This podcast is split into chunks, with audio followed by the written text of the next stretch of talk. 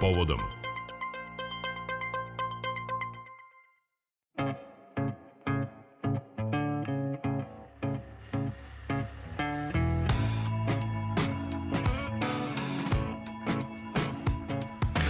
li će 27. februar ostati zapisan kao istorijski datum u odnosima Beograda i Prištine ili će to biti samo jedan od mnogobrojnih susreta političara koji su u domaćoj i stranoj javnosti stvarali privid da smo na domak nekakvog rešenja koje bi odnose dva politička entiteta učinilo stabilnijim i dovelo možda blizu nečega što bi moglo da se nazove definisanje odnosa u dužem vremenskom periodu.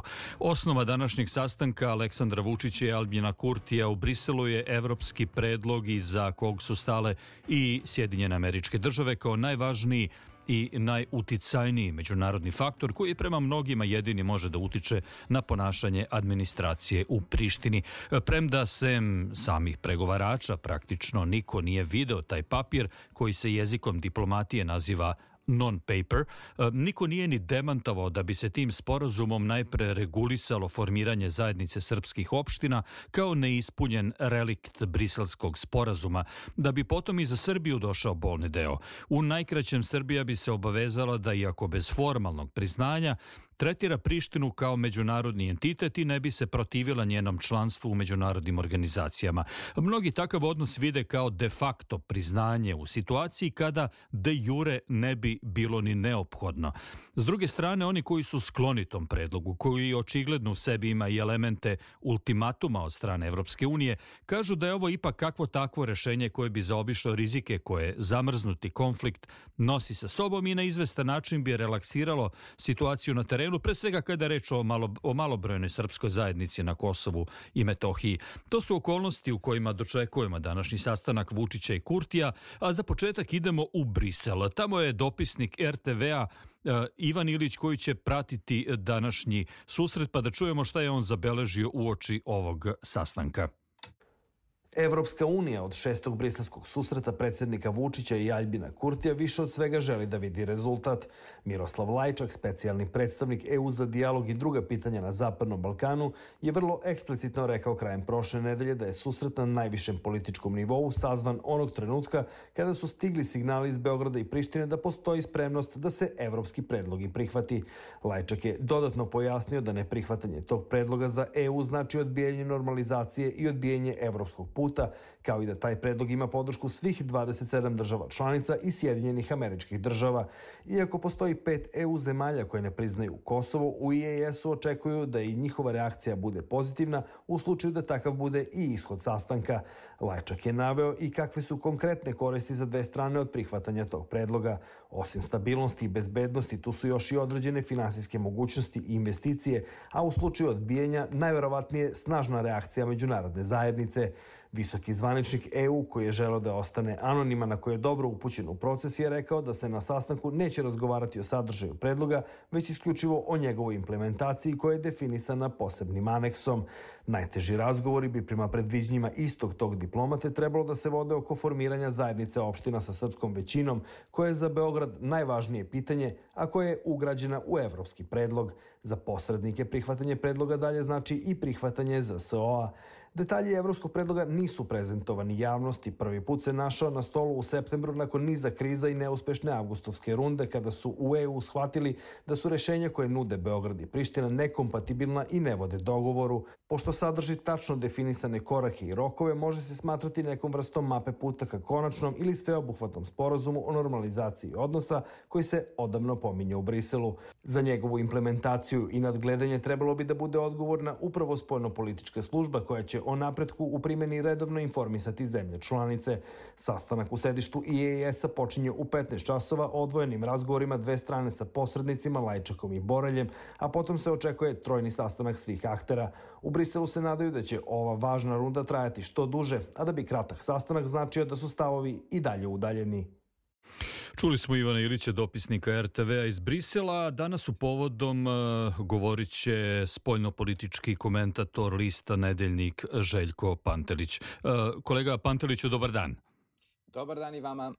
Pa evo, prethodna dva dana sa raznih strana stizale su informacije da su obe strane već prihvatile ponuđeni predlog. E, koliko vam je to uopšte verovatno ili je to možda samo još jedan uh, sofisticiran ili manje sofisticiran način da se Beograd i Priština uh, privole predlogu Evropske unije?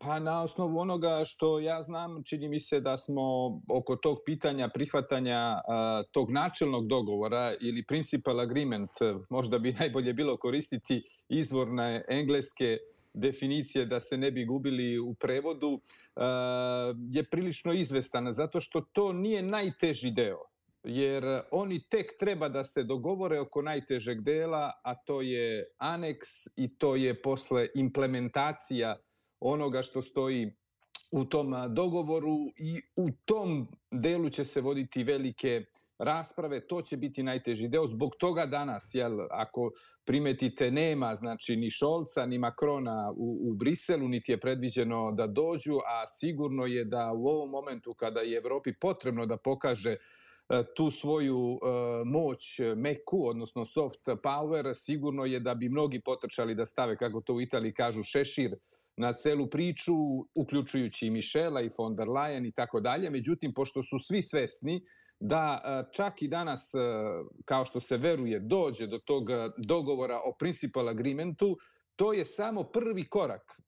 Tek veliki posao nas čeka u sledećim mesecima, jer oko implementacije, načina implementacije, e, ritma kojim će se ta e, sporazum sprovoditi i implementovati, e, će biti u stvari ključna stvar. Zato je i dogovoreno u Minhenu pre par dana, kada su bili na konferenciji Scholz i Macron i svi predstavnici Evropske unije i ključni lideri iz regiona, da Borelj i Lajčak uh, nastave dakle da vode tehnički taj dijalog jer je potrebno svakodnevno raditi sa obe strane i to je mukotrpan posao. Šolc i Macron naravno sa svime što se događa u svetu od Ukrajine preko problema koji su vezani za, za Kinu, za Rusiju, za Afriku, za njihove unutrašnje probleme u zemljama koje vode, ne mogu svakodnevno da se bave pitanjem dijaloga Beograda i Prištine, tako da je dogovoreno da oni uskaču u momentu kada budemo stigli u nekakav ćorsokak ili ako bude trebalo da se preskoči neka prepreka koja u tom momentu izgleda nepremostiva, da bi se to sve rešilo. Tako da će oni povremeno po potrebi ulaziti u taj proces, ali budući da se radi o nečemu što će trajati svakodnevno i biti vrlo iscrpljujuće u sledećih godinu, a možda i više dana, I dalje će znači ključnu ulogu voditi Borelj i Lajčak i ono što hoću da kažem, dakle čak i danas kad se potpiše ništa još nije gotovo. Dakle ključna stvar nije potpisivanje principal agreementa, ključna stvar je dogovor oko implementacije, načina implementacije, a kada se i oko toga dogovore, kako će to posle da bude primenjeno? Mm -hmm. Da li očekujete neku vrstu, paraf uopšte na bilo kakav papir? Pa, znate kako, stvar je u tome što e, ne treba toliko da se bavimo formom. Jasno Tehnički, je... Da. Malim? Da, tehnički možda je to samo tehničko pitanje, ali ipak vuče za sobom nekakvu pravnu obavezu, je li tako? Pa, znate kako, i briselski sporazum je potpisan, pa nije ispoštovan. Mm. Znači, e, Evropska unija je naučila lekciju Zato su oni i postavili ovako stvari, jer ne žele čak ni oni sebe da potroše i svoje kredite. Zato su i ostavili da dijalog i znači ovaj deo bude vođen od onih koji su sve vreme radili, a to su Borelj i Lajčak. S tim što su oni svesni da Borelj, a pogotovo Lajčak, nemaju snagu da izdejstvuju teške kompromise. Oni su svesni da u tom momentu moraju da uđu najteže e, kategorije političara, odnosno oni koji su najjači, a to su Šolci i to su Macron u Evropi. Znači, bez njih direktno uključenih, a pokušava da se ubaci u tu priču i uspela je da uđe i sa ovim pismom uh, Đorđa Meloni, jer ona je već ostala poprilično kako bih rekao, a, ljuta zbog toga što su je izbacili sa sastanka sa Zelenskim pre par nedelja u Parizu i na ovaj način isto su pokazali dobru volju Šolc i Macron da daju Meloni otprilike ne baš poziciju kao što imao Mario Draghi, jer ona je daleko od Marija Dragija da bi imala tu poziciju, ali jednostavno da Italiju tretiraju kao jednog ozbiljnijeg, da, ga, da je izdvoje kao partnera u Evropi, a i zbog interesa Italije na Balkanu i njene uloge na Balkanu koja je veoma važna i na kraju krajeva ona je e, ekonomski uz Nemačku i najzainteresovanija za rešenje problema. Mm -hmm. Tako da je cela priča sada oko toga da se strane dogovore, odnosno da stave potpis na ovaj načelni sporazum, a prava bitka, pravi posao tek sledi. E, da li vam se čini kad već govorimo o pritiscima i uticajima da su Sjedinjene američke države u punom kapacitetu stale iza ovog predloga? Poznato je da Priština u većoj meri, ako ne isključivo, reaguje na želje iz Vašingtona. Pa znate šta, e, ima jedna anegdota, u stvari istinita stvar koja se dogodila, o kojoj danas pišem upravo za, za vijesti e, Podgoričke, u kojoj sam prepričao kako je Melonijeva bila šokirana kada je japanski premijer Kishida Fumio postavio pitanje na njihovom posljednjem bilateralnom susretu. Pitanje je glasilo, kada Kinezi budu ispalili rakete instalirane u Srbiji, kako mislite da se branite? Hmm. E, nastao je tajac.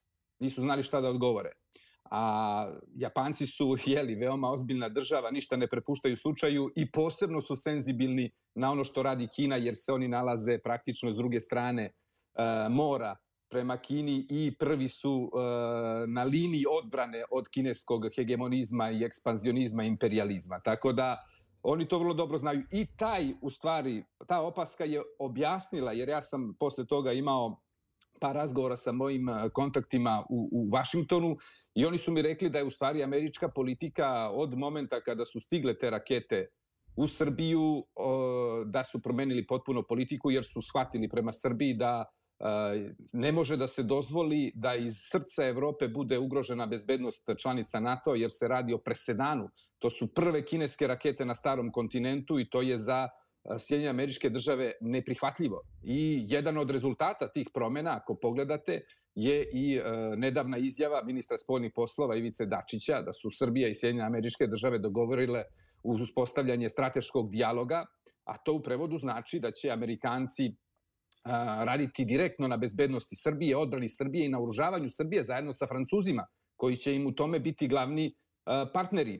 I to nije bila jedina promena. Druga se zatim odnosila na dijalog između Beograda i Prištine, jer su se tada Sjedinjene američke države aktivno uključile. Ako se sećate tada na scenu stupa Šole, jer je on jeli, e, teška kategorija u State Departmentu, e, Escobar je jednostavno operativac i to je pokazalo da onda oni zajedno sa Nemcima i Francuzima mogu da izvrše dodatni pritisak bilo na Beograd, bilo na Prištinu i što je na kraju krajeva i dovelo do ove promene i do toga da Kosovo, odnosno Priština, mora da uzme ozbiljno u razmatranje uh, uspostavljanje i zatim uh, funkcionisanje srpske zajednice uh, opština mm -hmm. na Kosovu. Uh, tu ima jedan isto takođe uh, važan detalj, a to je uh, pogled na sever Kosova. Zato što su u Evropskoj uniji uh, shvatili i već duže vremena shvataju da je takođe nedopustivo da mi imamo u Evropi e,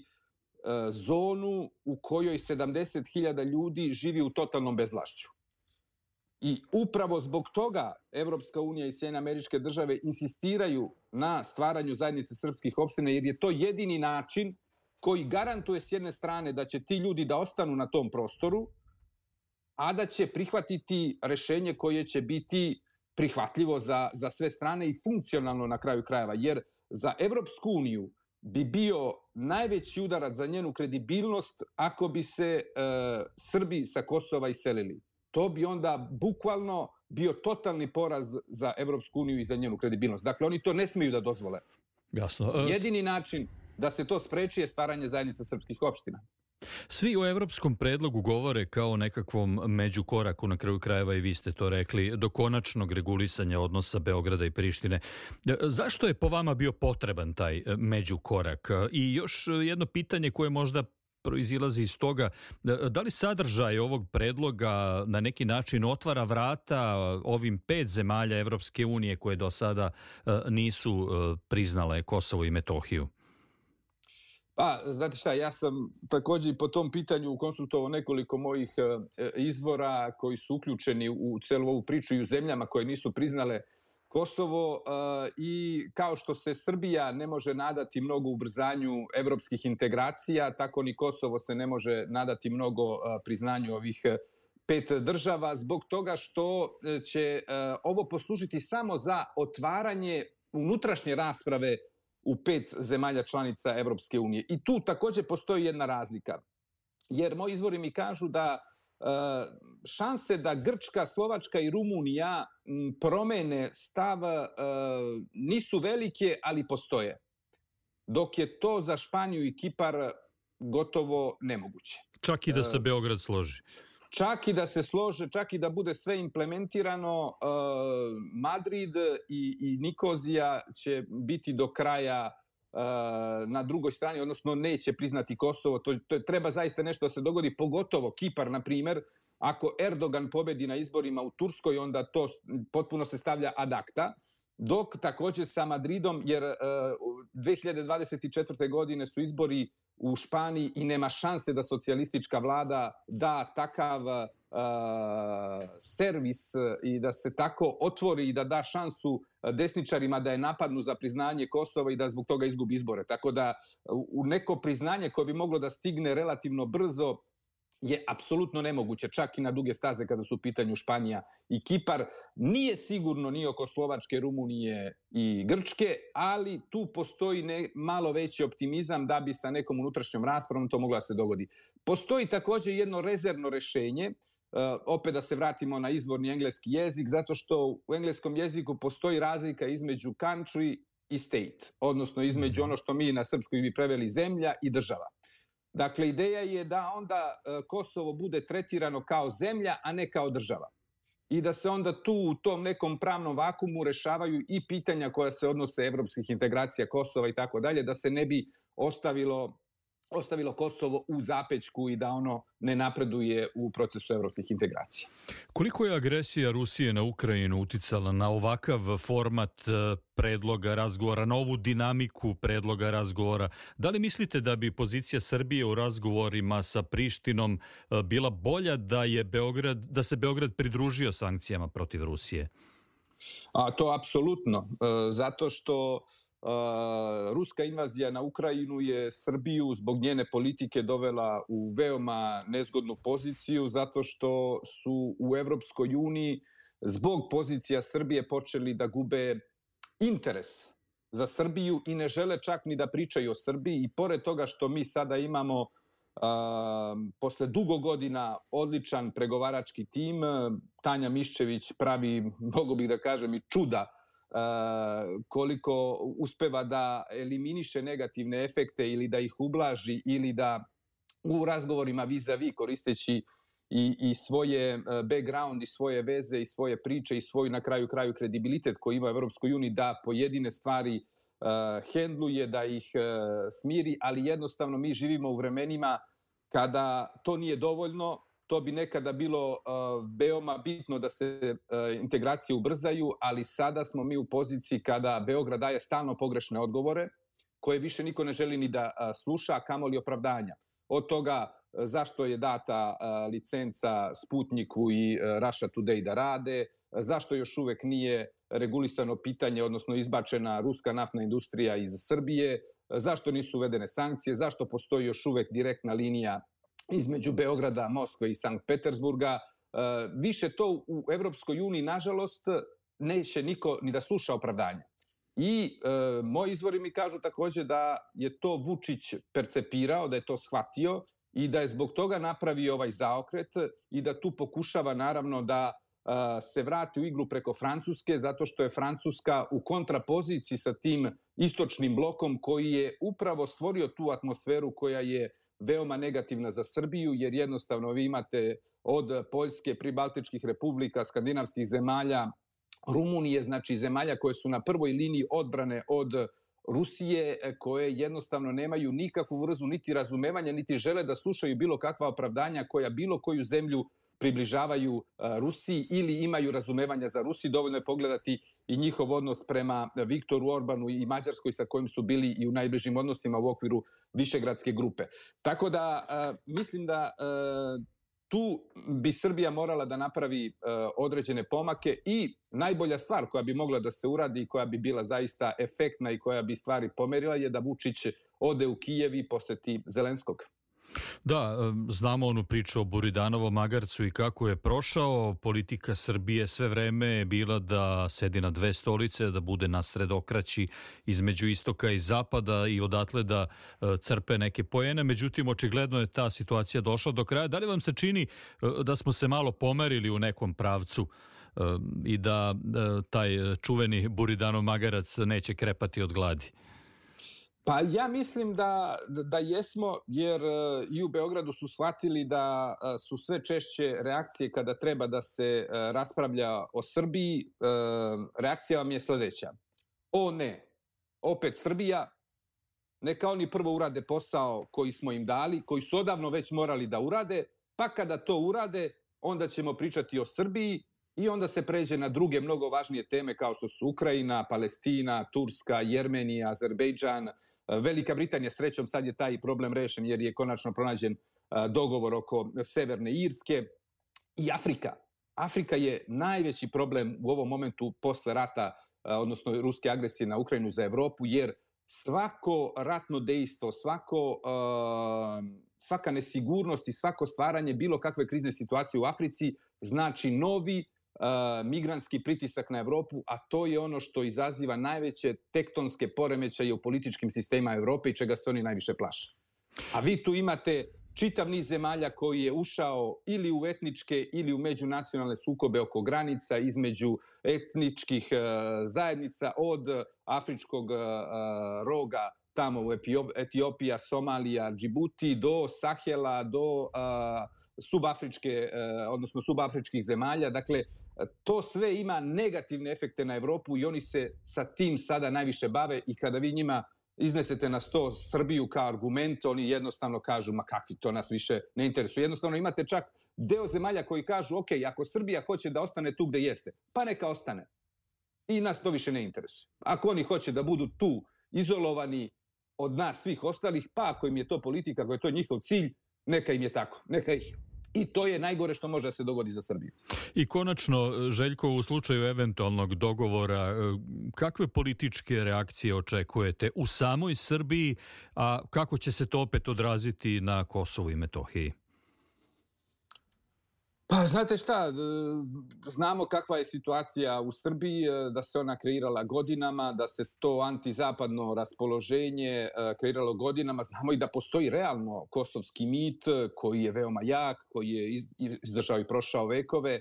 Zbog toga ja i upozoravam e, i moje kolege i moje kontakte kada sa njima pričam da bilo koji potpisani sporazum sa Kosovom, bilo koje rešenje, neće imati dugoročni efekat ako mi kao društvo i Kosovo, odnosno kosovsko društvo, ne budemo radili e, reč pomirenje je već izlizana i kontraproduktivna da se koristi, ali da jednostavno počnemo da komuniciramo, sarađujemo, da vidimo jedni u drugima ljude i da probamo ono što nikada nismo, da budemo prijatelji da pokušamo da budemo prijatelji, jer sve smo ostalo pokušali i došli smo dokle smo došli. Znači, za svih ovih nekoliko vekova uvek smo pokušavali jedni druge da nadjačamo, da pobedimo, da isteramo, da proteramo, da nametnemo našu hegemoniju.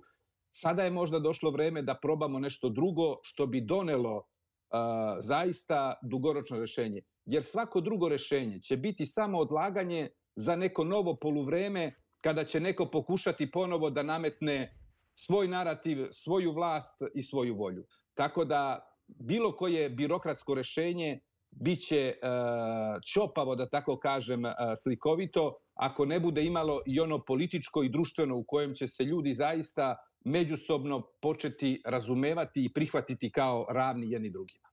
Za povodom Radio Novog Sada govorio je spoljno-politički komentator lista Nedeljnik Željko Pantelić. Hvala. Hvala i vama.